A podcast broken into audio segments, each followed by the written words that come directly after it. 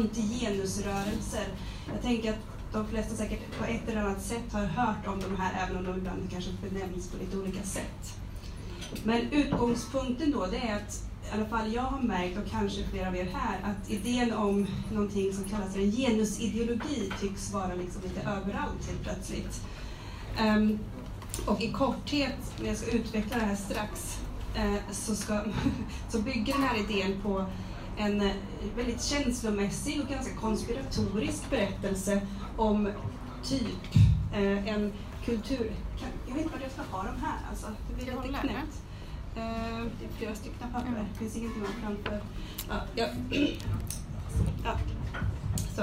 Men i korthet om någon slags, och det här känner ni säkert igen från debatter, en kulturmarxistisk radikalfeministisk elit som tillsammans med någon typ av homo-lobby konspirerar för att förstöra livet för folk. Det är väldigt... Eh, funkar det nu? Ja. Då kör vi.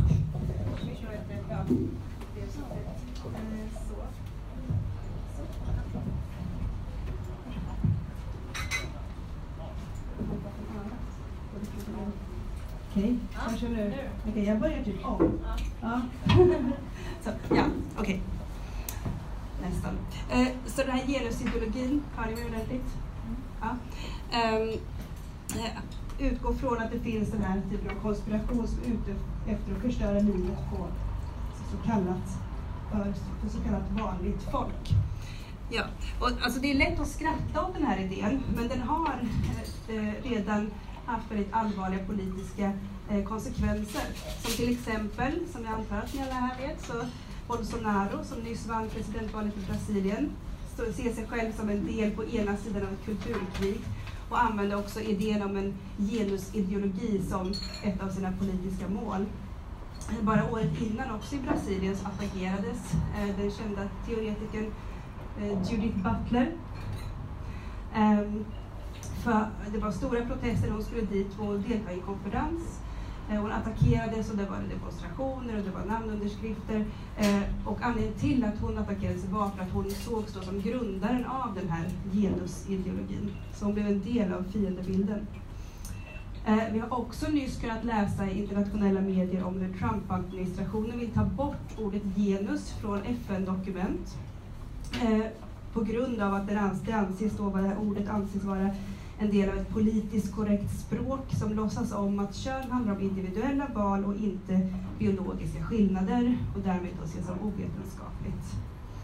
Temat om vetenskap har kommit upp också, där genusideologin har använts för att mobilisera emot genusvetenskapen. I Ungern så har nyligen genusvetenskapliga utbildningar eh, stängts ner helt och hållet och liknande har tidigare hänt i Ryssland där en utbildning stängdes ner av samma skäl.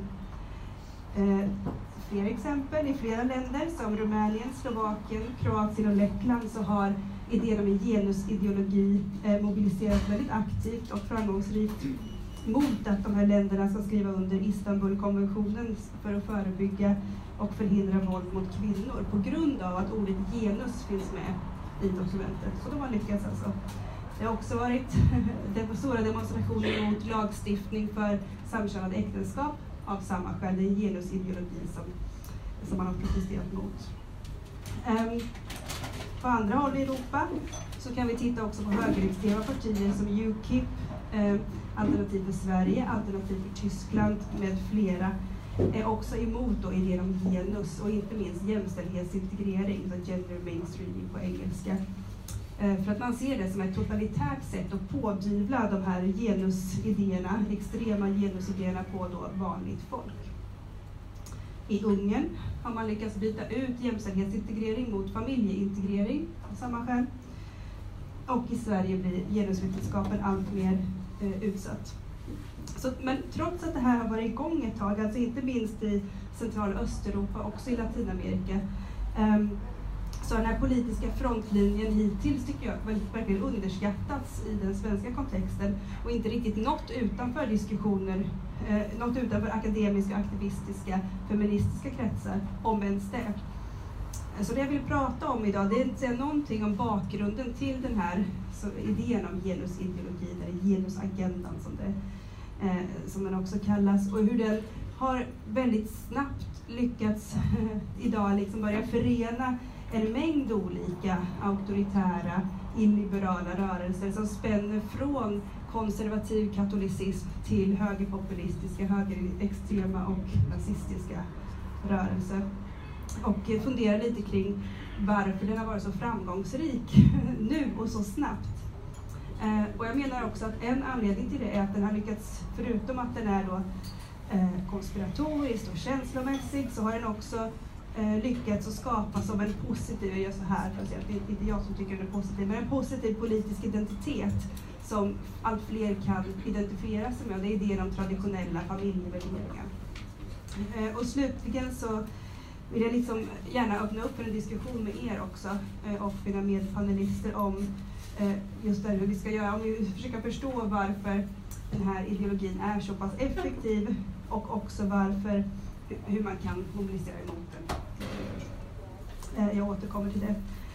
Men vad få vet, för det känns som att det här är en sån ny grej. Vi pratade just innan här, men kom, var inte det här liksom först förra året som det här började bli en grej? Men de här rörelserna har faktiskt började mobilisera i mitten av 90-talet. Eh, väldigt specifikt så var FNs kvinnokonferens i Beijing 1995 ett sånt till nyckeltillfälle där den här motmobiliseringen mot genus eh, började. Och då var det en liten och väldigt ganska marginaliserad grupp, eller marginell grupp av eh, konservativa katolska antiabort eh, grupperingar och eh, pro-family eh, grupper som var kritiska mot att ordet genus kom in i, i FN-dokument och inte minst mot jämställdhetsintegrering.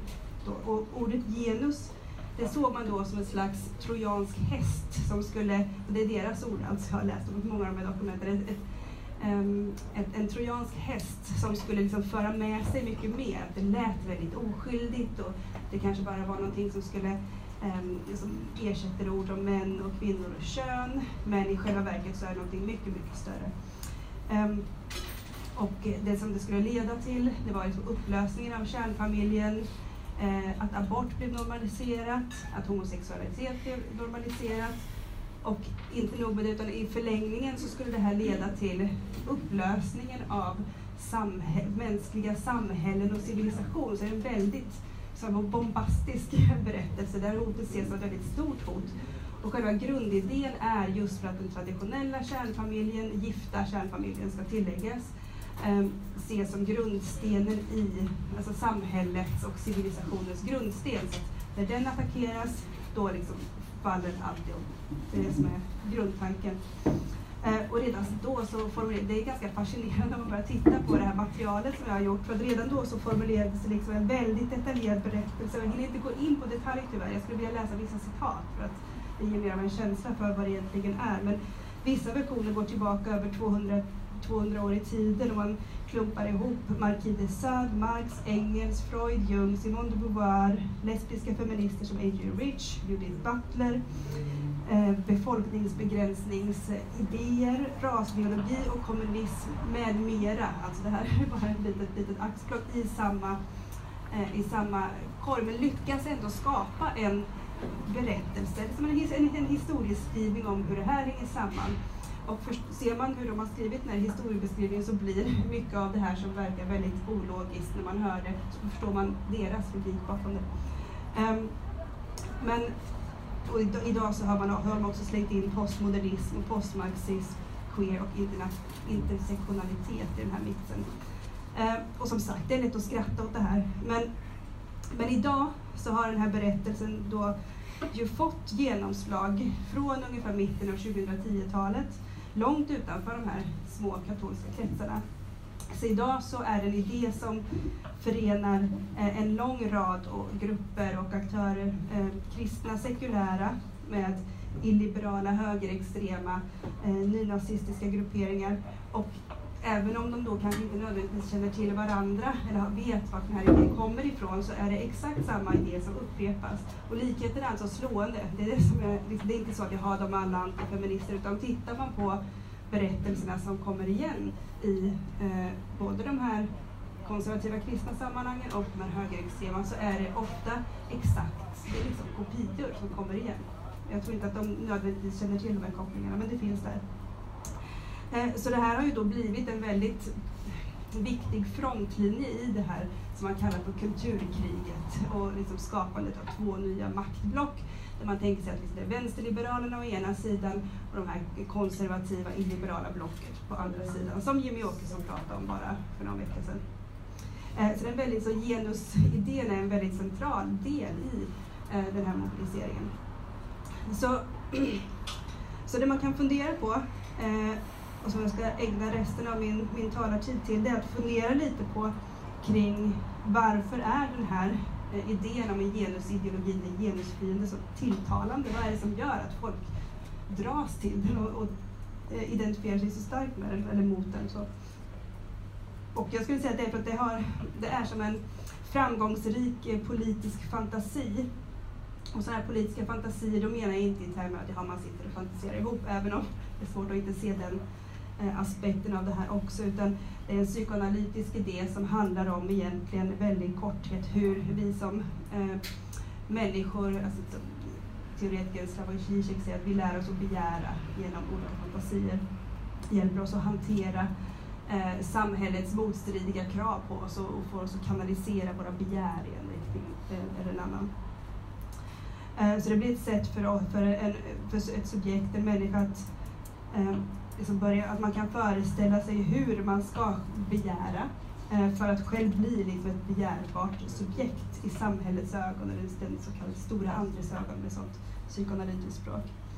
Eh, en annan sån teoretisk grej som jag ska ta in, jag ska inte vara alltför eh, psykoanalytisk här, men det är att man kan säga också att fantasier då har eh, i regel en stabiliserande och en destabiliserande funktion. Ehm, med det här språket. Så den här stabiliserande, det är en slags dröm om ett harmoniskt tillstånd eh, som vi ska kunna uppnå om det inte vore för det där som stör och hindrar oss att komma dit.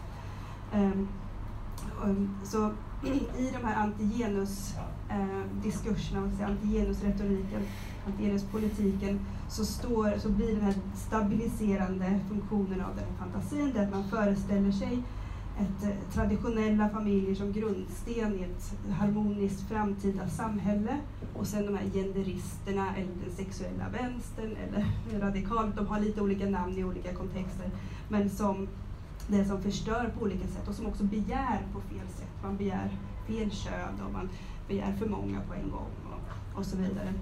Så det är, på många sätt är det här väldigt likt nationalistiska fantasier om utopiska framtider så att idén om eh, den här genderisten, den påminner, för det är väldigt, som sagt, väldigt konspiratoriska idéer, den påminner väldigt mycket om klassiska konspirationsteorier kring, kring judar, eller juden som idé. Så, um, så, och en annan sån aspekt av det här är att genusideologin ses som pådyvlad både utifrån och uppifrån. Så det kommer i Polen till exempel, där de har väldigt, vunnit väldigt stark eh, där de har väldigt mycket makt, eh, ses det som en import från väst. Eh, och man tittar på hur man har uttryckt det, det har blivit kallat i olika diskussioner som ebola från Bryssel till exempel. Så man ser då att det är det här hotet utifrån, från EU, men också som något slags smittande och farligt, någonting som riskerar att förstöras. Så det är väldigt starka metaforer i omlopp i det här. Eh, men som sagt, en annan viktig komponent som jag tror har gjort den så effektiv är att eh, om man skiljer den här mobiliseringen kring genus från mobilisering mot invandring så är det att fienden kan i princip komma varifrån som helst. Den är både utifrån, den är uppifrån, men eftersom vi pratar om mänskliga begär så eh, ligger det väldigt mycket till hands att den här fienden finns också inne i oss. Så det här är också hämtat från en annan psykoanalytisk tänkare som heter Renata Salik som har ett, tycker jag, väldigt tjusigt och övertygande resonemang om det här. Men hon skiljer då på en ideal identifikation som är eh, identifikationen med den goda medborgaren, i det här fallet då den här heterosexuella kärnfamiljsmedborgaren, nationella också. Eh, men också en fantasmatisk identifikation som varje individ liksom också känner sig dragen till en sån här fiende. Jag förenklar väldigt mycket men men det som är intressant blir just att, att fienden finns verkligen överallt. Över, ovanifrån, utifrån men också potentiellt i oss själva och i våra barn som lätt då kan förledas av de här genusteoretiska idéerna. Um, så, så vad ska man göra mot det här? För det, det, vi kan se, och jag tror, att det, jag tror också att det här kommer bli väldigt mycket, en väldigt mycket större grej i Sverige. Så jag tänker att vi måste bygga upp en beredskap för de här antigenusrörelserna. Eh, det är redan liksom på gång, men bara för ett par år sedan, eller några år sedan jag först hörde talas om det, då var det från en polsk vän och kollega som berättade om de här rörelserna. Eh, och först fattade jag inte vad hon pratade om. Det var liksom, vadå emot genus? Va? Va? Vad, betyder, alltså, vad betyder det? En, min andra förklaring blev någon sån här stereotyp att ja, ja, men det är ett katolskt land och, och sådär, det är ju så annorlunda, det kommer inte hända. Alltså jag var väldigt, väldigt naiv. Men allt eftersom tiden har gått så har det blivit väldigt mycket tydligare att det, den är här redan och jag tror att det också är en väldigt tydlig liksom, nästa frontlinje i eh, den här högerextrema eh, mobiliseringen så, och, som drar då mot förstås auktoritarianism. Ehm, så jag tänker att ens, det är väldigt svårt att säga vad man ska göra mot det, men jag tänker att det är viktigt att och, eh, försöka förstå hur den fungerar. Och jag tror att en sak som vi måste göra, det är förstås, jag är väldigt stark anhängare av en vänsterpopulistisk mobilisering, mycket alla chantar mot. Ehm, men jag tror att oavsett vad vi kallar det för så tänker jag att en sån en frontlinje från vänster, vare sig vi kallar den populistisk eller inte, så den behöver vara bred och den behöver också formulera feministiska krav som är brett relevanta, också utanför genusteoretiska resonemang och samtidigt bygga starka eh, allianser i solidaritet med feministiska och queera grupperingar. Eh, jag tänker också att för en sak som eh, högerpopulisterna och antigenus och överlappningen av dem också har gjort så eh, framgångsrikt är att formulera en idé om vilka folket är Eh, och deras idé om folket är eh, som sagt folket som är väldigt homogen, folket som en, skulle man kunna säga. Ehm, så därför blir det också en viktig uppgift för motmobilisering att, att formulera ett folket som många. Ett, eh, en inkluderande version som också kan skapa en sån här bredare möjlighet till identitet som alternativ till högerns, högerns projekt. Typ så, tack.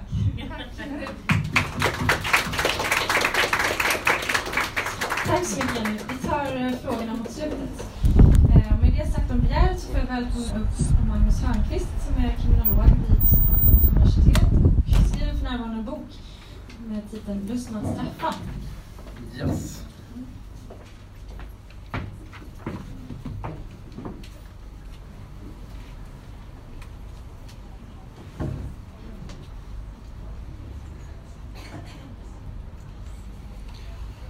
Sådär, hörs det? Nej, det funkar inte. Den.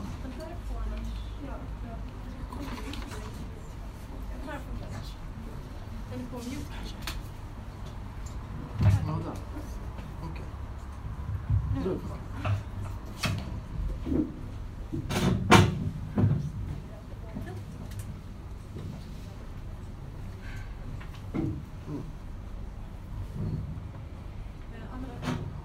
Om då? Nej, det ska inte alls där. Sådär, nu hörs det bättre kanske. Kanon. Ehm, jag ska prata om det som kommer att bli kapitel 4 och kapitel 5 i en kommande bok som heter Lusten att straffa, eller The Pleasure of Punishment som den kommer att heta på engelska. Ehm, det som jag, och jag märkte när jag fick den här frågan, så märkte jag att jag skriver ju om den här drivkraften, den här livsluften som den här exakt den här typen av rörelser verkar i, som Jenny pratade om. Och det är slående hur överförbart det är på det som jag kommer att skriva om, eller håller på att skriva om, lusten att straffa, som rör fattiga, rasifierade män, ofta, den lusten. Men alltså de som råkar ut för det. Det jag kommer att prata om utifrån det är eh, lockelsen som ligger i det som också Jenny var inne på, lockelsen som ligger i att sympatisera med den här typen av rörelser. Och det som jag tycker är extra intressant är det stödet som kommer ifrån arbetare, kvinnor rasifierade till SD, till Bolsonaro, Trump och så vidare.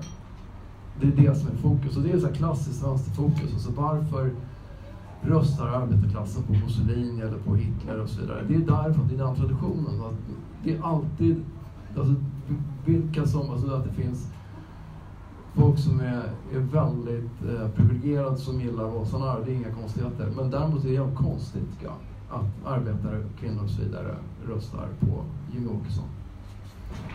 Så den traditionella liberala och i viss mån vänsterförklaring till den här typen av rörelser är ju man går in och tittar på rostbälten, människor som är lämnade kvar den ekonomiska utvecklingen. Man tittar på stad, land. Varför ser det ut som det gör i Lindesberg? Varför det är inte så konstigt att man röstar på Åkesson där industrin har flyttat och så vidare. och så vidare. Det funkar ju inte längre. Det är ju väldigt svårt att hävda. Alltså, det går inte att handla i Sverige, det går inte att handla i USA. Möjligtvis i Brasilien så, så försöker som ni kanske märkt så försöker enskilda journalister säga så här, men det, det har varit lite ekonomisk kris i eh, Brasilien de sista åren. Men i, i stora drag får man nog säga att den förklaringen, den förklaringsmodellen, den förstår inte i vilket, vilken livsluft och vilken dimension, och, eller vilken division den här Det var, den bara tvärdog. Ja. Livsluften ja. tog slut.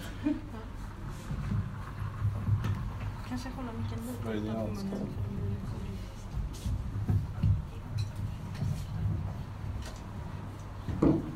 Så.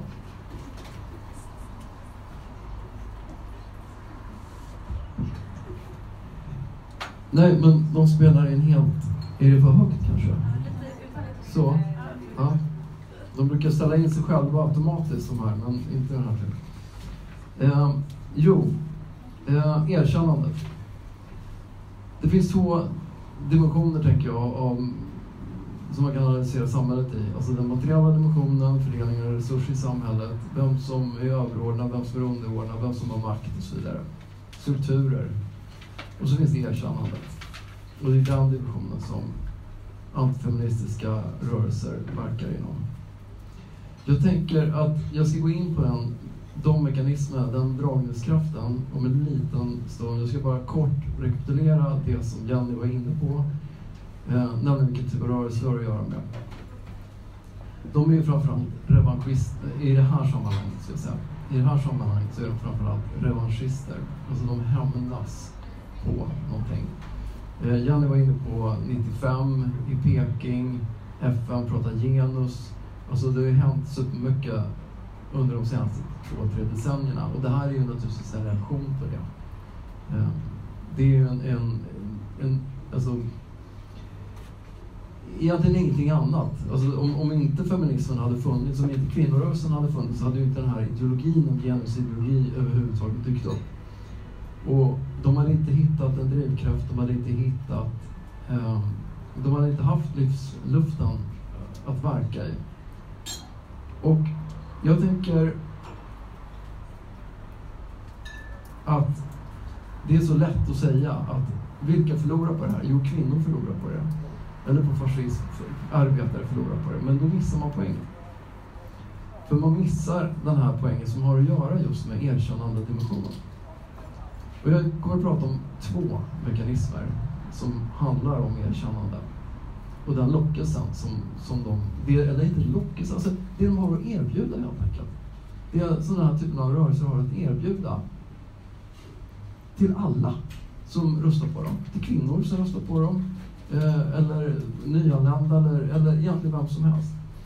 Och den första dimensionen, eller jag, jag ska, alltså, jag ska inte gå riktigt så snabbt fram, säger han. Ehm, den här tanken om orättvisan, det måste jag prata om innan jag går in på det. Orättvisan ligger ju i botten, alltså den här, och det här kan vara jättekort för att den här tanken om genusideologi till exempel, det bygger ju på att det finns en, en djup orättvisa. SD är enda oppositionspartiet. Samhället är på väg helt åt helvete på grund av en djupt känd upplevd orättvisa. En orättfärdighet som består i att vissa grupper kvinnor, homosexuella, eh, nyanlända, eh, kriminella och så vidare gynnas på bekostnad av hedliga eh, arbetare, hemmakvinnor eller huskvinnor. Så, så den här den tanken har två ben, tänker jag, som, som gör att det här erkännandet kan ta fäste. Och det första benet är väldigt personligt. Jag har det bra kanske. Jag har bra med pengar, ett jobb och så vidare. Men jag får inte det erkännandet som jag vill. Andra grupper uppmärksammas, bekräftas. Jag får inte det erkännandet. Det andra, samhällsplanet, det politiska etablissemanget river sönder hela den moraliska ordningen som samhället bygger på. Och det är en, en djup oförrätt, en historisk oförrätt. Och det är på något sätt spelplanen för den första mekanismen som är ressentiment. Begreppet myntades av Friedrich Nietzsche i slutet på 1800-talet. Ehm, då började man prata om den bitterhet och det hat som arbetarrörelsen drevs av, som ville förändra samhället. Ehm, Wendy Brown, eh, Butlers eh, partner, pratade om det här i 95. En jättebra bok som heter States of Injury, där hon använder begreppet ressentiment för att analysera Eh, identitetspolitiken på vänsterkanten. Eh, idag så kan man analysera den här typen av rörelse med just det här begreppet, tänker jag. Och jag ska försöka göra det, lite grann antyda hur man kan göra. Nietzsche pratar om de olyckliga människornas lycka. Och glädjelöshetens glädje. Bitterheten är drivkraften. Eh, den här uteblivna bekräftelsen.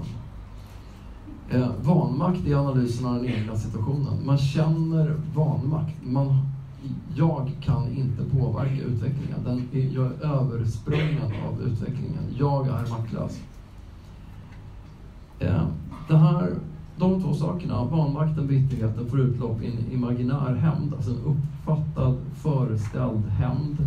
Själv kan man inte genomföra den. Man kan fantisera om att staten ska genomföra hämnden ska ta tillbaka eh, den här marken som kvinnorörelsen till exempel har erövrat på dagis eller vad det kan vara för någonstans. Alltså, därför riktar man sin, sitt hopp då, eller sin förväntan till, till staten för att genomföra eh, hämnden. För det handlar om en hämnd, alltså det är inte bara att ta tillbaka grejerna, utan man ska också hämnas.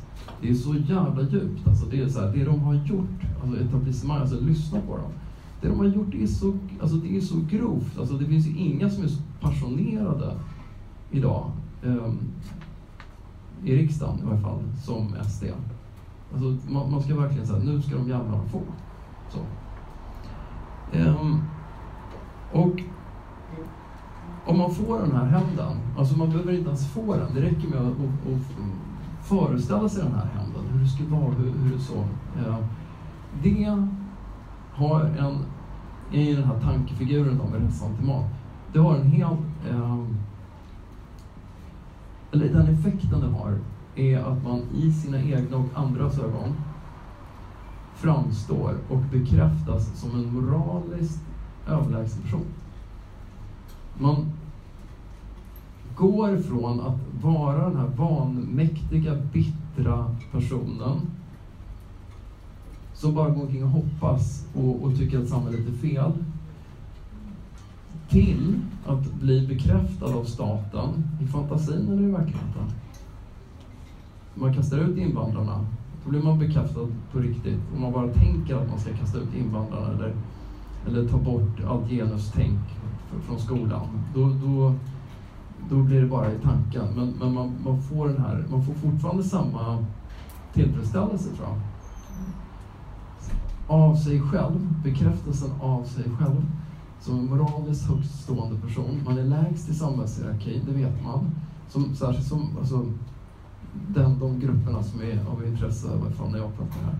Så man är arbetarklass, man är kvinna, rasifierad, vad det nu kan vara för någonting. Men helt plötsligt så på ett magiskt sätt så hamnar man högst upp i, den, i samhällshierarkin, i den moraliska hierarkin. För man är den, den här praktikcentralen som, som, som är alla dygder som det här samhället, den här moralen, man är förkroppsligandet av den moraliska ordningen i samhället. Och då har man gjort det här språnget från sin egen av, alltså för bitterhet, alltså Scheler skriver om bitterhet, avundsjuka, småsinthet, hämndgirighet, eh, allt, allt den här, alla de här skamfyllda eh, känslorna. Helt plötsligt har de gjort att man är den bästa av alla personer moraliskt sett. Man är en god person. Den andra, hur mycket tid har jag kvar? Det blir perfekt. Eh, den utopiska dimensionen, det är den andra, det sublima. Eh, det här som jag pratar om nu, det apollinska. Det här som jag pratar om nu, det är det dionysiska, måttlösa. Eh, transcendensen, alltså vi pratar, nu är det en helt ny spelplan som också finns i de här rörelserna. Nämligen terrorn, måttlösheten, omoralen och transcendensen, det absoluta. Eh, och här tänker jag gå tillbaka till en, den konserva, alltså faktiskt konservatismens fader Edmund Burke som skrev reflektioner om den franska revolutionen i slutet på 1700-talet. I mitten på 1700-talet så skrev han en mycket bättre bok som handlar om det sublima. Den gjorde skillnaden mellan det vackra och det sublima. Det vackra är det som vi idag menar är vackert. Det sublima är erfarenheten av terror från en säker position. Och estetik på 1700-talet, det var något annat. Estetik på 1700-talet var hur den den våldsamma outgrundliga maktutövningen från statens sida knöt medborgarna till sig. Det var estetik på 1700-talet. Det låter konstigt idag, men, men på 1700-talet så, så var det, och det var ju den, liksom, det, var det som Elmer Burke skrev om, hur statens, alltså man pratar våld, alltså på den tiden så var det ju otroligt vanligt med offentliga dödsstraff till exempel, att man hängde folk på torget eh, eller avrättade dem på andra sätt i offentliga miljöer. Och det här var ju en av de främsta sätten att knyta, för staten att knyta till sig medborgarnas eh, sympatier på den tiden. Och det här finns ju kvar hos de här rörelserna. Och det här är tanken, man då, det här finns inte skrivet lika mycket om som resentiment, men, men det sublima, här är tanken att alla rörelser av det här slaget, eh, samhället också, religionen, kanske också familjen, är organiserad runt något absolut, som är tomt. Det finns inget egentligt innehåll, men man, man tänker sig att det här är något väldigt stort som, står, som är större än livet. Eh, det är väldigt lätt, om man pratar nazister så är det ju väldigt lätt att prata om vita rasen eller eller nationen som är så här, som de dyrkar. Men, men, men, jag tänker att det här finns också i mer konservativa eh, och inte fullt så extrema rörelser. Och när det här går överstyr, för den här typen av rörelser, alltså de är ju drivna av hämnd eh, och de är rättfärdiga och de är återhållsamma i sina egna ögon. Och sen så spricker det där och man genomför, man går över gränsen, det går överstyr eh, hela tiden. Det är bara att titta på historien. Eh, man, går, man har ihjäl människor i en, eh, som det kanske inte var planerat, men man har ihjäl människor eller går, behöver inte ens gå så långt. Alltså man, man säger extremt opassande saker. Eh, om judar eller samer eller vad som helst eh, och vet om det. Man vet ju förstås om att det här är fel. Men nummer ett i den här tankefiguren är att man njuter ju av att veta att det är fel. Och man går hem med att det är fel. Man går i land med det. Och nästa steg, så är ju en... När man ser det här hända som staten gör, när staten gör det här, då slår ju den här egna betydelselösheten över i någon impotens, alltså att man identifierar sig, man ser sig själv som den, den starka, eh, oövervinnliga personen. Och de här övergreppen blir till smutsiga hemligheter, små smutsiga hemligheter för att prata Zizek. Små smutsiga hemligheter, säger han, är just den här typen av massakrer eller våldtäkter eller vad det kan vara för någonting. Som i och med att alla vet om det i kollektivet, alla vet om att det begås, så, och vi måste ljuga om det utåt, så svetsar det samman och skapar en gemenskap och en bekräftelse inom gruppen som är ett väldigt starkt band. Jag har nu en minut kvar, har jag fått reda på. Så därför, för en minut? För en minut sedan. Så jag ska använda den minuten till att dra eh, lärdomar från det här. Det går, och jag ska verkligen försöka göra det på en minut. Det är svårt att möta fascismen på sin egen planhalva. Alla de här debatterna om invandrares brottslighet, massinvandring, vad det nu kan vara för något. Det är bara kristallisationspunkter. Och att gå in där och debattera, det är ju bara att bekräfta den här konflikten. Att konflikten ligger där och inte någon annanstans. Um, så att lösningen, vi kan komma tillbaka mer till det här eh, i diskussionen sen, men lösningen tänker jag är att man helt enkelt bara flyttar konflikten och aktiverar den utopiska dimensionen från en vänsterhåll samtidigt som man börjar alltså, att öppna upp det till att bli en framkomlig väg att den här fördelningsdimensionen är, som är stängd, att man öppnar upp den. För att om man öppnar fördelningskonflikten, då kommer det här bara falla. För det här är ju ett, slags symptom på att, att fördelningskonflikten är, är stängd. Så, tack. Det brukar vara den här jävla teoretikern med professorskepsen i, i rummet. Och nu ska jag prata praktik när några dessutom sagt väldigt teoretiskt intressanta saker. Men jag ska försöka säga någonting utifrån det jag ser när jag jobbar om det som Jenny och Magnus sa. Um, det är mycket som jag tänker på, men vi jobbar ju vi jobbar med våldsförebyggande. Eh, det är ett projekt som drivs av föreningen Män, eller Män för jämställdhet. Eh, och de, kvinnokors, de stora kvinno och tjejjoursfederationerna vi har i Sverige, Sommar Rocks. och det är ett eh, preventivt arbete och då tänker vi att eh, apropå att öppna upp, som öppna upp något annat. Som Magnus var inne på på slutet, så här, visst man kan prata om det utifrån omfördelningspolitik, välfärdspolitik, eh, men vi pratar ju om det även ehm, i att möta enskilda män. Att öppna upp för att, att så här, omdefiniera vad det är att eh, vara man, typ, eller vad maskulinitet är. Och traditionell maskulinitet handlar ju så mycket om så här, hierarki och om, också om upprättelse. Eller rättare sagt att maskulinitet är någonting som alltid kan hotas och som också omvänt då ska hävdas väldigt ofta. Och det är det vi försöker så här, gå in och rucka på. Och det gör vi nästan alltid med att börja med att samtala om eh, vad unga killar känner för förväntningar och både som så här, press på sig själva och vad av det som de upplever som någonting som de tycker är oproblematiskt och vad de har fått som någon sorts kappsäck. Så att de så här, börjar reflektera kring eh, vad som är de själva och vad som är, när blir jag liksom eh, förnedrad eller förminskad utifrån mallen av vad det var en man. Liksom. Och här finns det ju så här, en massa dimensioner på vad man kan prata om. Liksom,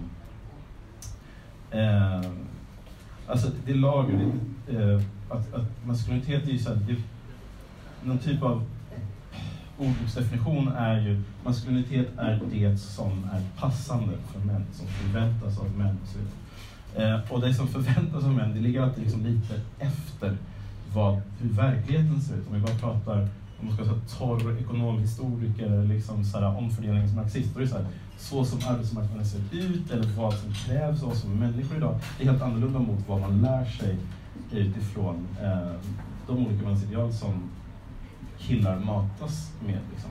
Och den där liksom, dissonansen mellan det, ska, jag tror att det göder det sentiment som pratats om en del. Liksom. Eh,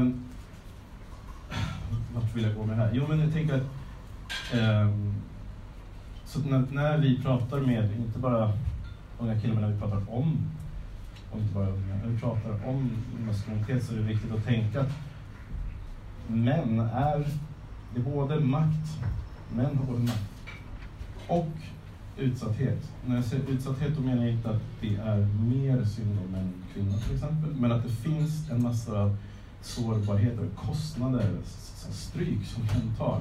Eh, tittar man på liksom drunkningsolyckor, tittar man på ensamhet i hög ålder, tittar man på självmordsstatistik, det vanligaste dödsorsaken mellan eh, 15 och 55 i Sverige. Liksom. Och det är en epidemisk sjukdom i västvärlden på grund av förändringar på arbetsmarknaden och så vidare. Det här är verkligt. Och det är inte så här sagt för att whatabouta och deraila från att män strukturellt har makt som grupp jämfört med kvinnor eller transpersoner. Eh, och sen finns det eh, olikhet mellan gruppen och män. Eh, och om man tittar på, tar vi så här, svaren på typ metoo från många män, det var väldigt heterogena. Vi gjorde väldigt noga undersökningar.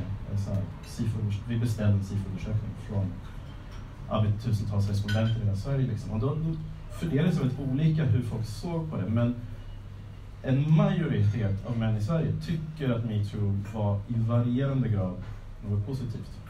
Väldigt varierande. En del var så att det fanns några bra poänger med det, men det har gått för långt. Typ. Eh, andra var så att det här är bra. Det här kan jämställdheten förändra till bättre. Eh, men bland många som är sådär, jag tror alla ni har hört så här, den skeptiska positionen. Och det, det, det, det, blir som skämttråk, men liksom inte alla män. Eh, och det är ett, typ ett svar på när man pratar om mäns makt, mäns våld. När man säger inte alla män. Eh, problemet med det påståendet, det är ju inte, eh, det är inte att det är falskt. Det är sant, utan problemet är att det sägs i fel tillfälle. Eh, alla män är inte våldtäktsmän, alla män är inte misshandlare och så vidare, så vidare. Alla män har inte ens högre lön och så vidare. Men rötterna till mäns våld finns i maskulinitet och i en kultur som de flesta män är en del av och på olika sätt drar fördel av och så vidare. Eh, om vi pratar om, om vi tar så här, och det där är lite så här, just det liberalt att bara titta på individ och aldrig tänka att man har ansvar för någonting mer än sig själv. Eh, men om vi tar också det här eh, uh, Per Ström och, och jämställdhisterna och så förut, men idag skulle jag säga många Jordan Peterson-fans och så vidare. De tittar ju väldigt mycket på mäns utsatthet. Och igen, det är inte fel att titta på mäns utsatthet. Den är, den är reell. Liksom. Alltså det finns viss utsatthet som är, eh, drabbar män mer än kvinnor. Men problemet den är ju ett resultat av patriarkala normer som män försöker leva upp till. Att till exempel eh, självmordsstatistiken bland män, alltså det är så här, 70 av alla som tar livet av sig är män. Eh, det är ju faktiskt en no-brainer att det delvis beror på vilka typer av så här, sociala nätverk män har, hur kapabla män är att prata om eh, utsatthet och känslor och söka stöd. Om du inte förbereds för att kunna göra det som kille, eller aldrig tränar i det, det är det som leder till utsatthet. Det vill säga, för att komma åt det behöver vi förändra genusnormerna. Eh, så att jag, jag, tänker att den här äh, liksom, anti-genusideologirörelsen, den skjuter ju så med bazooka eller fälthaubits på budbäraren snarare än att liksom lyssna på eh, vad, vad, som sägs. Och vi jobbar ju väldigt mycket just att då, så här, då måste vi skapa eh, i olika sammanhang, vi pratar om det som ett socioekologiskt perspektiv i samhället, att vi vill möta inte bara män utan kvinnor, oavsett kön, folk i alla faser i livet, att få finnas på alla stationer. Så därför har vi, eh, vi samarbetar mycket med kvinnor, men vi har också eh, online chattstöd för killar oavsett, alltså folk hör av sig och pratar om ensamhet, eh, depression, eh, att de har relationsproblem, att de inte har relationer alls, att de undrar om deras kuk är normal, you name it, om de är uppvuxna i fattigdom, och våld i hemmet och sånt där. Allt det där. Vi måste kunna vara där. Men de pratar också om erfarenheter av att vara förövare. Eh, och att göra det, att, här, det är ju skitjobbigt, men att göra det är också ett sätt att, så att säga, klippa den här liksom, eh, viljan som eh, Magnus var inne på, alltså så här, lusten att straffa. Att, att så här, faktiskt bearbeta både våldsutsatthet och eh, erfarenhet av att använda våld, ett sätt att liksom flytta var konflikten ska vara. Liksom. Um, men jag, vad ska, vad ska jag ta vägen nu? Ja, men jag tänkte bara lite om eh, igen den här rörelsen. Hur, hur kan vi komma in i Isak Klingsman? Jag tänker att häromdagen så han eh, Robinson, eh, Jan Emanuel, han riskkapitalisten, han skrev någon sorts här eh, för de ointellektuella så har vi gjort en enklare version av Jordan Petersons 12 Rules of typ. Eh, där han bara, hur är en riktig man? Och den, han, skrev om våldtäkter och om någon överfallsvåldtäkt som hade varit i, i Björns trädgård och så här, jag önskar att jag hade varit där. Hade jag varit där då hade de fått veta alla. Alla som inte var där, eller alla som inte gör någonting de hör, de är inte riktiga män. Och det är så här, alltså förutom att det var värsta så här, fantasin om den manliga dådkraften Eh, så är det också så här, hans beskrivning av vad som gör en man, det är ju verkligen en genusteori. Det är inte biologi, utan det är dina handlingar som gör om du är en man eller inte. Det är så här, kön är performativt, om man ska använda, så säger vi på Södertörn. Nej men liksom att så här, kön är performativt. Um, ehm, och um, alltså jag tror att det där slår an en så här genklang hos ganska många. Att liksom, ja, äntligen en snubbe som säger så här, så här skulle man vara. Men grejen är, från vår horisont, det är så sett så många gånger, jag har haft samtal med unga killar om eh, ja, men just så här, mäns våld mot kvinnor. Och, och då till att börja med, liksom att säga, mycket av varför till exempel våldtäkter är tabu i Sverige och varför han fokuserar på just överfallsvåldtäkt, det är ju för att det är, var ett brott utifrån patriarkala normer också. En kränkning av en man, att någon har våldtagit min kvinna. Medan omvänt så här, eh, våldtäkt kriminaliserades inom äktenskapet först för ett ja, halvsekel sedan. Så att det jag fiskar efter är att så här, när vi pratar med unga killar, det är tusen gånger lättare att höra en ung kille säga om eh, någon hade rört min syster eller min kompis, eller vad, då hade jag si och så misshandlat den. Men samma killar kommer ha sjukt svårt att säga om min kompis drog de här sexistiska skämten eller tafsade på någon så, då hade jag sagt till den. Eh, så att det så här grova, stora våldet är jättelätt att så här, reagera mot. Varför? Därför att det kan återupprätta så här, mannen som överordnad. Det är därför som män kan reagera på det. Eh, Medan det här eh, mindre eh, i någon mån nästan triviala sexuella våld som ibland metoo pratade om är folk såhär vadå, det där är inte riktigt våldtäkt, det där var inget övergrepp. Det där. Eh, och det är det vi går in i också. Att, så här, absolut inte menat som att så här, inte män ska reagera på sexualiserat våld, men att berättelsen om det passar in så himla väl i liksom, hämnd, upprättelse. Så här. Och, och det är i den här liksom nationella berättelsen som eh, jag tycker att, ja, du har varit inne på, att det tangerar väldigt mycket både det här upprätta traditionella familjer, traditionell maskulinitet och så vidare. Det är liksom, det är ju en kusin till Make America Great Again, skulle man kunna säga. Eh, jag tror att man ska inte kanske köra någon sån här guilt by association, eller anledningen till att vi ska hitta likheterna mellan konservatism och ibland även vissa delar av liberalism, är inte för att göra någon guilt by association anklagelsen, så hej du Annie Lööf, du är ändå för eh, nedmontering av det här, då är du typ proxyfascist. Inte det, utan det är faktiskt titta på vilka mekanismer som eh, den här reaktionära mobiliseringen hämtar sin kraft ur. Och jag skulle väl egentligen bara vilja fokusera på en till sak liksom, som vi försöker gå in och spjälka upp. Och det är väl liksom att den här fascismen och antifeminismen, mer än någonting annat så närs den av en, ett hat mot ambivalens. Det som inte är tydligt så hierarkiskt ordnat och reglerat i tydliga lådor, liksom, det är ett hot. Den vars så nationella identitet och solidaritet är tvetydig är ett hot.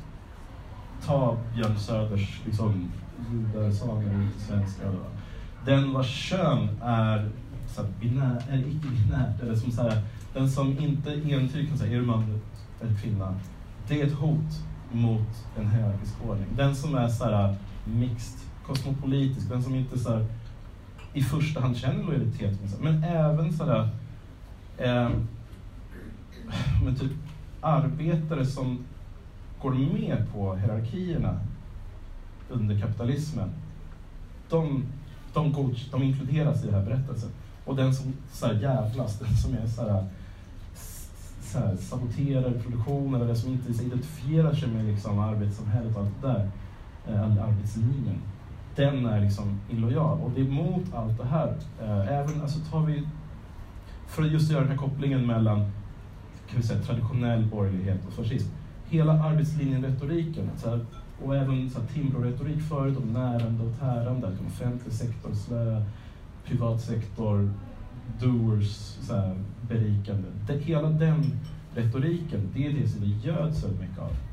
Uh, sen är det ju så här, ibland känner jag i vårt arbete liksom att vi kommer ut, alltså man liksom så här, putsar upp någonting som håller på att krascha. Alltså här, jag förstår, jag tror på eh, typ någon sorts radikal normkritik. Inte att man ska, liksom det är inte pronomenrundor som per se, men så här, eh, att möta folk eh, på jämlik nivå. Men om vi kommer ut i så kallat socioekonomiskt utsatta förorter och ska hjälpa till där och aldrig gör det i så här, villagetton till exempel, då blir man så här, vad fan håller du på med? Det finns ju mycket av mäns våld här också, som helst. Liksom.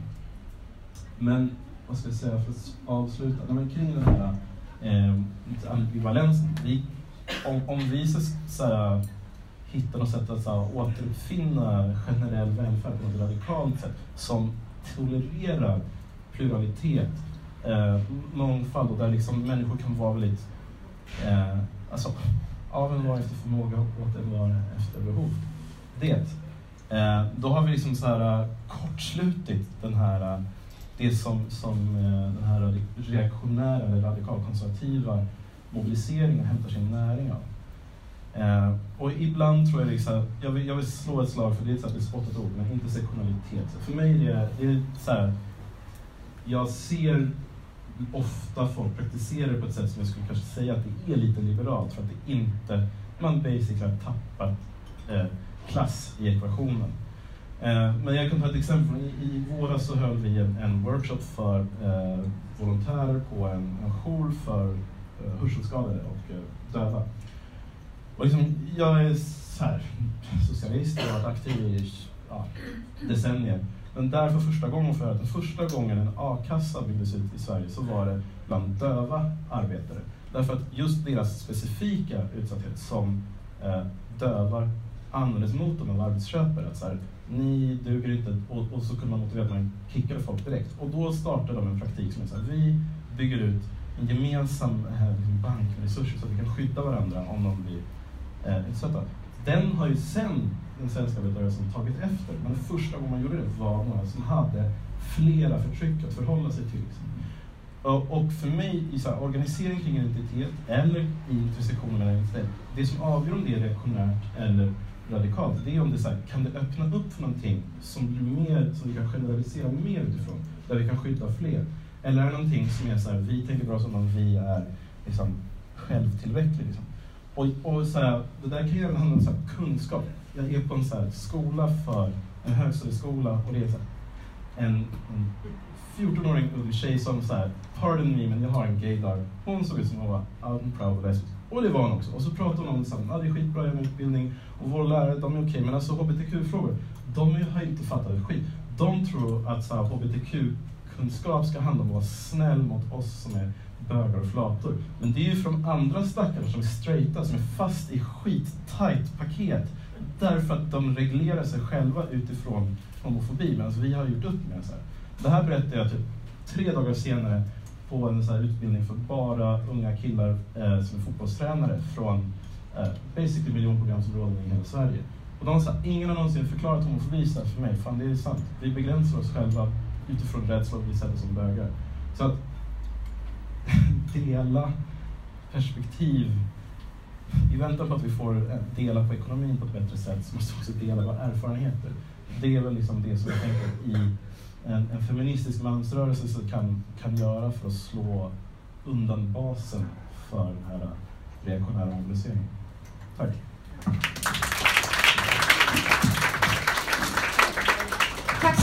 Eh, Nathan, vi gör så här att vi bjuder upp eh, Magnus och Jenny på scen också.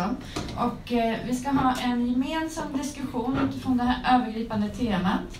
Och vi har bett eh, Jenny att inleda, och göra en liten längre eh, kommentar, eller fortsättning på sitt egen eh, inlägg och kommentera de andra två. Och sen så får eh, Nathan och Magnus också en kort kommentar. Och sen så kommer vi direkt att dra in publikfrågor så att vi får en gemensam diskussion. Eh, och så avslutar vi tillsammans innan det. Okej, okay. varsågod. Ja. Tack så mycket och tack ni två också för väldigt intressanta eh, anföranden. Jag tycker att det fanns många överlappningar mellan våra tre anföranden. Så jag hoppas att i diskussionen att vi kommer att kunna utnyttja de eh, överlappningarna också när vi bjuder in eh, publiken. Jag skulle vilja säga en sak innan jag börjar och det är faktiskt att eh, eftersom jag är så övertygad om att vi måste ha en beredskap inför den här genusideologin. Så att om någon inte är övertygad efter vad ni har hört idag, så gå hem och googla på det. Det låter jättedumt, men googla det på alla språk ni kan. Vissa av er kan säkert flera språk, för då kan ni också få syn på den här globala aspekten av det, och som också är väldigt viktig tycker jag. Um, och jag skulle vilja jag vet inte om det är sammanfattning, det kanske bara mer är fortsättning på vad jag, vad jag själv sa. Men jag tänker att någonting som jag tänker att vi måste ta i beaktande i motmobilisering mot det här, det är att det både är en global rörelse med väldigt tydliga geopolitiska konsekvenser. Vi ser det liksom att det är i EU och vi ser också, vi ser det, det är verkligen globalt. Och samtidigt ta i beaktande liksom de här nationella och regionala variationerna, både i hur det tar sig uttryck, även om det är extremt likt, som ni kommer att se när ni går hem och googlar. Um, men att liksom ha de här två aspekterna i huvudet på samma gång. För jag tänker att det spelar så stor roll, just, och det är inte bara nationella utan också lokala, som anknyter till, till ditt arbete, tänker jag Nathan. Men att fundera på att vilken form av motmobilisering funkar här? Vilken, ja. um, och en sak som är säker är att det, liksom, det är viktigt med sådana saker förstås, som så här, faktakollar och klassisk ideologikritik, men, men det räcker inte på det här eftersom de har just det här starka känslomässiga greppet om, om så pass många. Så vi behöver någonting mer till det förutom då eh, fördelningspolitik. men jag tänker att det är någonting mer som, och vi måste tillsammans fundera på vad som funkar. Eh, om man ska titta på, det här är egentligen ingenting som jag är expert på, men jag, hade, jag var nyligen i Buenos Aires och pratade med kollegor och aktivister där. Och där hade de funderingar kring, eftersom det är så starkt kopplat till den evangelistiska rörelsen där, att motmobiliseringen behöver då vara väldigt kopplad till religion och jag började fundera, jag hade en kollega som är professor i politisk teori och aktivist. Och som, eh, men hon, hon gick och funderade på om man skulle kunna åter revitalisera eh, den här frihetsteologin, heter det så på svenska? Mm. Till exempel, som ett sätt. Så jag tänker att man måste ju alltid tänka vart man är lokalt i motmobiliseringen.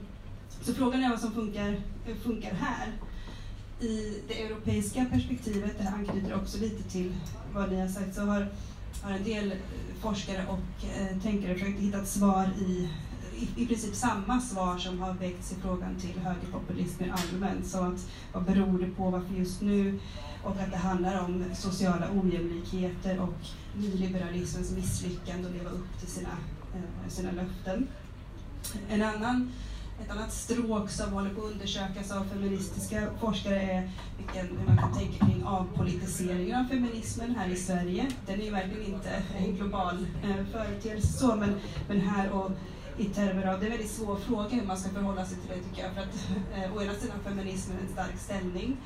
Eh, så vad betyder det här med, med avpolitisering av feminismen? Men om man tänker sig att som kapitalistisk feminism och girl power och eh, en variant på det, men också kanske jämställdhetsintegrering som har blivit någon slags byråkratisering av feminismen. Hur ska vi, vad, vad betyder det? För det öppnar också upp för eh, idén om att feminismen är ett elitprojekt. Och det måste, tänker jag, en vänster för, förhålla sig till och, och utforma någon slags anti-etablissemangsfeminism. Eh, en annan fråga som har väckts av feminister, och det här är främst från polska kollegor, men de menar på det att en orsak till att så många kvinnor dras till de här antigenusideologierna är feminismens oförmåga att ta i beaktande frågor som rör reproduktivt arbete, omvårdnad och sådana saker på ett sätt som har betytt någonting för vardagslivet för Eh, kvinnor där. Och jag tänker att det här skulle vi kunna öppna upp och, och prata om mer. Vad är det i den svenska kontexten som vi kan liksom börja eh, och eh, liksom dra i? Och förutom de här mer materiella eh, frågorna så tänker jag att då måste vi också ta i beaktande just de här affektiva dimensionerna som vi alla tre har pratat om. Fundera på vilken framtidsvision kan eh, liksom fantasi om, om en framtid har, har vi att erbjuda istället eh, för det här. Och hur kan vi formulera ett sånt, då tycker jag då, alltså folket som många, en, en inklu, inkluderande eh, version av liksom, folket. Eh, gentemot det här folket som en varianten som erbjuds av antigenus och högerpopulister, nationalister, som är en väldigt totalitär eh, idé. Um, så, men jag tänker att de här frågorna går också, jag skulle vilja öppna upp och diskutera det här med, med eh, panelister och med, med publiken förhoppningsvis också. Vad, vad gör vi nu? Va? Nej men jag är helt enig och eh, jag tänker att det här med att göra två saker samtidigt är väl det man måste göra. Alltså, jag tänker att eh, till exempel det du pratar om som genusideologi, att det är ju en rörelse mot, alltså förut hade vi det här Ja till livet, en abort, alltså mot abort. Alltså allting det här är ju också möjligheter. Eh, det är ju möjlighet, alltså det är inte bara så att de måste bekämpas. Alltså när Sverigedemokraterna, när de har en demonstration eller genusideologi, alltså allting, alla den här typen av reaktionära mobiliseringar som drivs av den här, jag pratar mycket om det med lockelserna, som drivs av en aggressivitet och en, en bitterhet. Så här. Alla de rörelserna ger ju också tillfällen och möjligheter att manifestera motsatsen och måste bemötas varenda gång. Samtidigt, alltså det tänker jag är, liksom, det, är, det är just det här tänkandet att se det som konkreta möjligheter för att statuera just det som är så riktig feminism eller riktigt utmanande av patriarkatet eller riktigt utmanande av klassamhället. Det är, det är, alltså, vi har, alltså, man kan ju inte bara gå ut i största allmänhet och, och protestera mot så här systemet utan man får ju använda det som möjligheter. Och det, det finns ju massvis med, med sådana exempel på samtidigt som, ska jag säga, samtidigt som man inte får stanna där. Alltså det är att göra en sak, den andra saken är ju att öppna upp de här andra fronterna. Att, att liksom utmana, alltså vad finns förmögenheten i Sverige idag? Varför är den så ojämnt fördelad? Alltså, hur ser skol, skolvalet ut? Alltså, alltså väcka den där andra typen av frågor. Alltså, Sverigedemokraterna har ju inga skattepolitiskt program.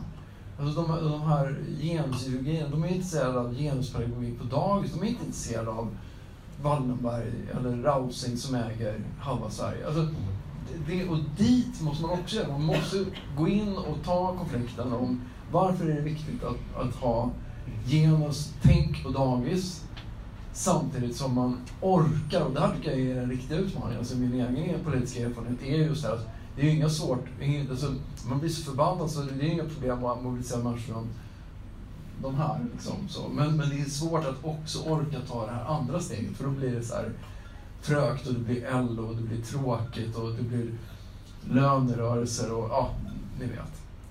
Men om vi ändå försöker behålla det där, att man inte bara första maj är liksom så här, så, utan att där, försöka hela tiden göra båda saker. Ja, jag hakar på lite. Jag, tänker, eh, jag sa det här med, med guilt by association, koppling mellan kanske liksom konservatism och, och fascism. Men jag, nu tar jag liberalism istället och nu kör vi. Eh, igen, inte guilt by, men Immanuel Wallerstein och Etienne Barbaro, de pratar ganska mycket om så här, de västerländska demokratiska samhällena, då, eller liberalerna. Deras typ av överideologi eller självbild är ju meritokratisk, det vill säga må bäste man, eller förhoppningsvis hen, vinna. Eh, att alla positioner av auktoritet har vunnits i någon sorts ädel tävlan. Och det här tänker man, är en jättefin princip, förutom att för det första så vill man ju ändå ha hierarki. Och så, så, alltså det är som att såhär, eh, spelar man Monopol liksom, så ja, men någon kommer ju vinna, men vill vi att någon ska, vill vi att någon ska slås ut och så vidare. Eh, I ett samhälle som har den berättelsen, så då langade ju resentiment på ett guldfat till de som förlorar. Och det resentimentet hos många män kommer väldigt lätt bli misogynt. Det resentimentet hos många eh, infödda kommer bli mot ja, migranter och så vidare. Så här, eh, och därför kommer hela den mytologin om liksom, ja men där är inkvoterade kärringar där är så här blattar som får gå före i boken och så vidare. Och så vidare. Alla de berättelserna. Liksom. Eh, och hur fan slår man sönder det när ett samhälle är individualistiskt? Det är skitsvårt. Så, och då tror jag att just så här, om man vi är ju inne på liksom att kunna våga vara i utsatthet och prata om det för att lära sig att söka stöd. Men politiskt, det här kan ju vara också, om vi inte pratar om så här, eh, samtalsgrupper för män som är utsatta, om vi pratar på en lite större skala, lokal organisering, alltså stötta varandra och man ser att vi har olika behov, men vi kan hjälpa varandra. Går du in i det, då försvinner ju besattheten med att de där romerna, de har, får det här. Alltså, då blir det så att vi hjälper varandra. Eh, så då igen kommer till den här pluralismen och så här, eh, eh den här eh, heterogena folket-tanken. Den kan man manifestera lokalt genom att organisera sig så. Man hittar så, vad är ett konkret problem, vilka drabbas av det, vilka kan, vilka kan hjälpa varandra?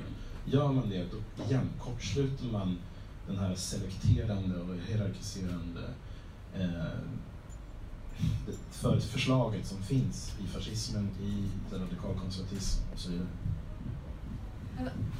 Ja, får vi, nu får jag släppa in publiken tror jag. Om det är så att publiken vill bli insläppt. Är det någon som har en fråga? Tre frågor åt gången och så får ni svara. Ja. Du kan börja. Jag kan börja annars. Ja. Jag ställa. Jo, eh, jag tror Magnus, när du pratade som eh, du pratade om vanmakten. Och den här känslan av liksom, det lustfyllda i att eh, ja, helt enkelt att straffa eller att eh, Eh, slå neråt eller vad det kan vara. Och att den här vanmakten som man har, den tänker jag ändå bollas mot en tanke om rättvisa, eller något slags rättviseideal, annars skulle inte vanmakten liksom uppstå. Eller känslan av oförrätt eller vad det kan vara. Och den, eh, sen tänker jag att den kanske rättvisetanken inte är så jättelångt gången formulerad ens en gång, utan det kanske är mer av en diffus känsla som man bollar emot. Men kan den rättvisan, om man fångar, griper tag i den diffusa rättvisan, kan den kanske vara en potential? För att om man börjar prata om den, och vad är det den här vanmakten ställs mot? Och därifrån. Var det fler? Fler frågor så kan vi Nej. Nej. Men, jag tror det är helt rätt. Jag tror att, det, att man känner resentimang överhuvudtaget. Alltså det, det vore helt otänkbart att tänka, att känna det i ett, ett slavsamhälle. Alltså det bygger ju på att man har väldigt höga förväntningar på samhället. Att man inte får den erkänslan. Man har ett jobb, man har en lägenhet, man kanske har kompisar, men man, får en, man är ändå så här... Det, det, vi, vet, vi känner ju allvaren som är här, känner ju sådana människor som är jävligt bittra. Och, och, och som trillar dit på sådana här typer av rörelser. Och att de gör det, att de kan göra det, det beror ju på att de har väldigt höga förväntningar på vad de ska få ut av samhället. Som precis som du pratade om, att det är ändå en form av, det är väl rudimentär rättviseideal, men det är ändå ett rättviseideal. Absolut.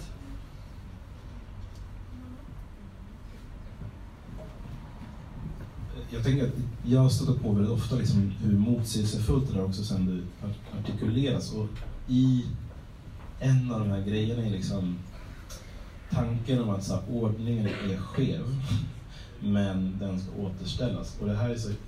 Jag, kan, jag tror varenda gång jag pratar med vuxna, utbildade vuxna män, eh, det, det, har varit någon som har pratat om så här, på savannen och tänker sig någon sorts här, naturlig ordning där det är så bra ekvilibrium, det är så bra...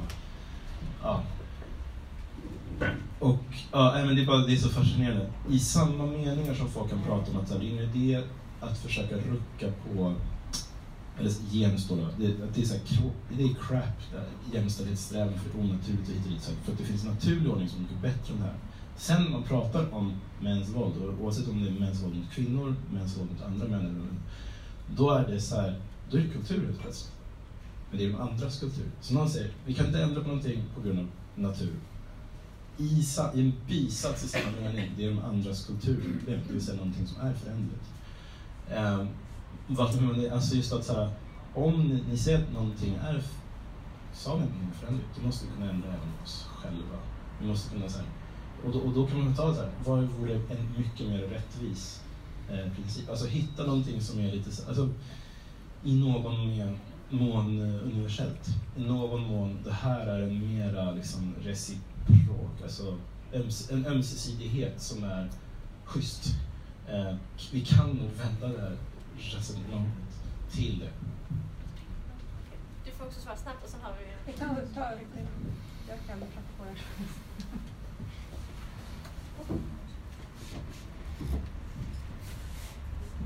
Hej, tack så mycket. Det är bara en väldigt kort fråga. Jag undrar om du Magnus skulle kunna förklara lite vad du menar med islamsamhälle. Och så upplevde jag att du använde dem väldigt mycket. Och, och, och, ehm, jag undrar vad den grammatiken innebär. Eh, Alltså, jag, jag sa slav. Slavsamhälle. Alltså, nej men det är bara rent historiskt. Alltså, det uppkommer efter upplysningstiden. Alltså, den, här, alltså, den första som använder ordet är Kierkegaard. Och-. Ja, nej men, så, alltså, det, det bygger på att man, alltså, medborgarskapstanken fanns inte på 1700-talet tidigare. Så det bygger på att man uppfattar att man är en, en, en medborgare med, med rättigheter.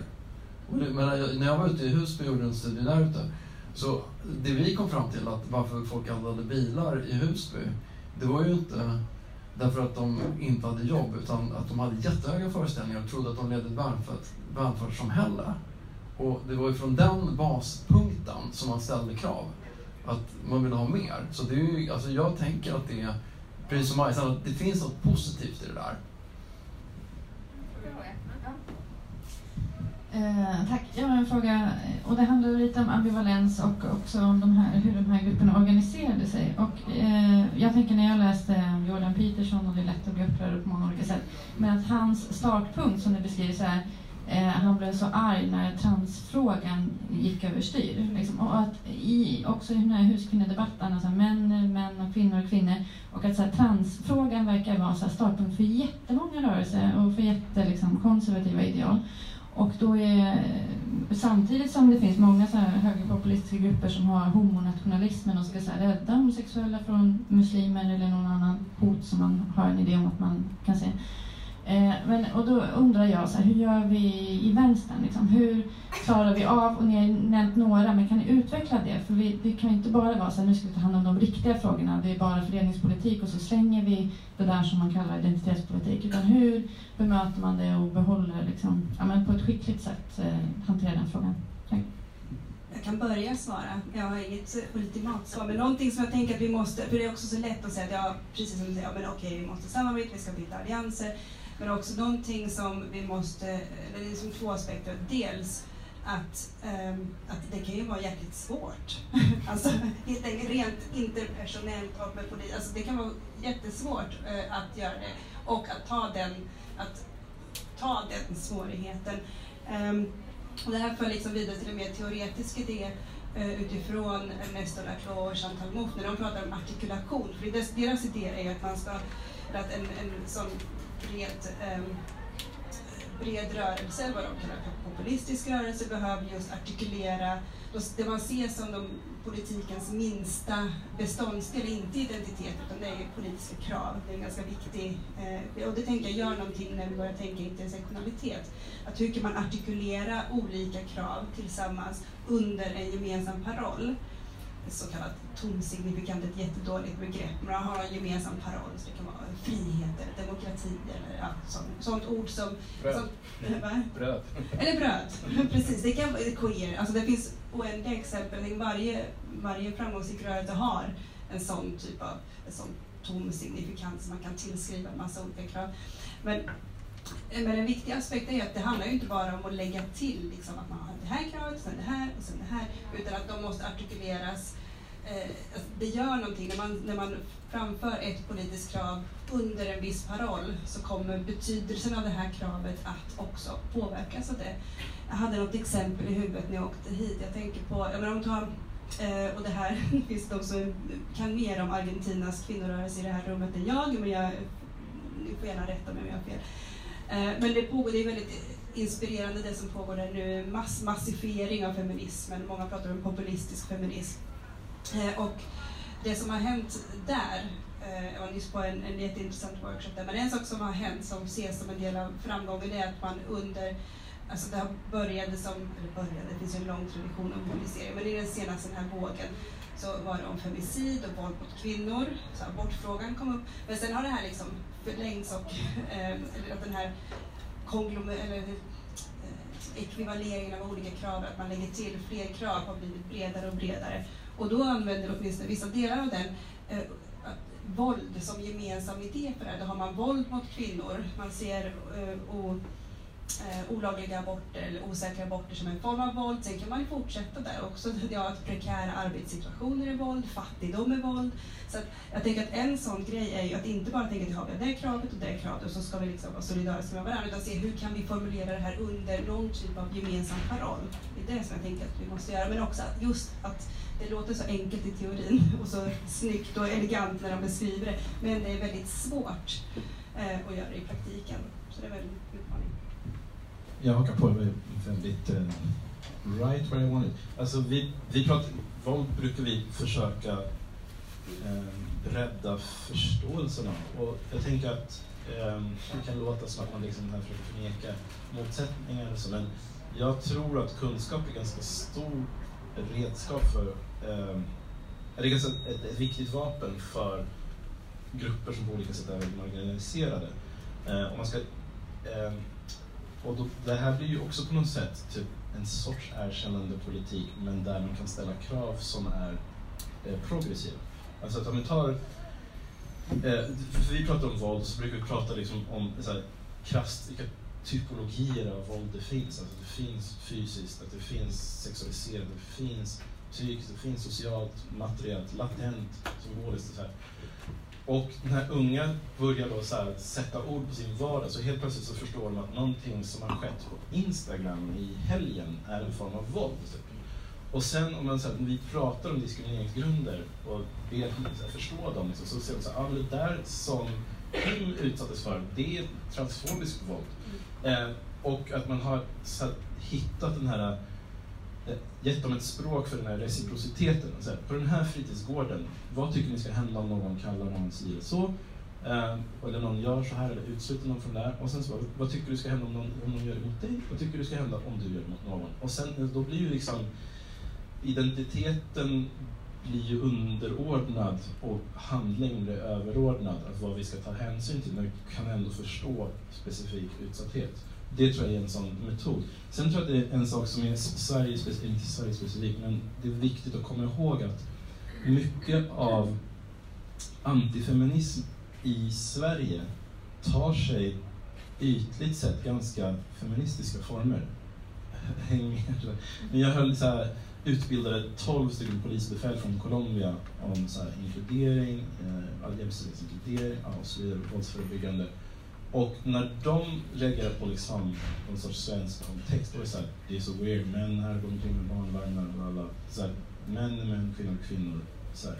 Om man hör Per Ström, och det är en massa år sedan han höll på nu, då var ju hans grej var ju pseudofeminism. Män är förtryckta, män är diskriminerade, hela den liksom, att berätta sig, berätta eh, om mäns så här, eh, rättigheter in, på ett så här, pseudofeministiskt sätt. Men även så här, vi jobbar liksom med så kallat ja, hedersrelaterat förtryck och våld och har problem med, inte kanske begreppet så mycket som diskursen kring det i den offentliga debatten. Därför att hur mycket det är en, en realitet med kollektivt sanktionerat förtryck och våld av individer i olika kontexter så används det så otroligt mycket som en så här, nästan botaboutande om eh, patriarkalt våld överhuvudtaget mot kvinnor, barn, ja, hbtq-personer och så vidare i Sverige. Eh, och många av de åtgärder som föreslås mot heterorelaterat förtryck och våld skulle stärka alla våldsutsatta. Så att det, inte att säga att det är fel, men igen, den svenska antifeminismen uttalar sig ofta inom feministiskt. Och man kan ju bara gå i Norden. Tar vi så här, det var ju något så danskt tv-program där två män sitter och bedömer kvinnors kroppar i tv. Liksom, så här. Det hade aldrig hänt på svensk tv.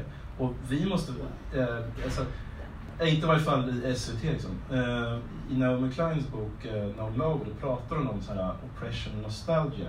Att förtryckta grupper väldigt lätt kan romantisera eller överdriva hur förtryckta de är för att det, det fanns en så här bekantare, en mer bekant konfliktlinje förut. Och vi måste förstå att vi har en massa styrkepunkter som vi har vunnit historiskt. Alltså vår, vår välfärdssystem och allting. Och en massa av kvinnorörelsens segrar och sånt där. Det är saker som vi inte har förlorat än. Och de som försöker mobilisera mot oss måste anpassa sig till det för att kunna. Alltså, alla försöker vara sossar fortfarande. liksom. Men är det också sätt att bli tilldelad en roll? Alltså även om den eh, inte är fördelaktig så är det fortfarande en samhällsroll. Det är något slags eh, inverterat erkännande. Ja, skulle. Det skulle jag säga. Och därav rädslan för det ambivalenta, det ofrämmande, det kanske man kan tänka på. Okej, Är det någon som har frågor? Ja, den där bak.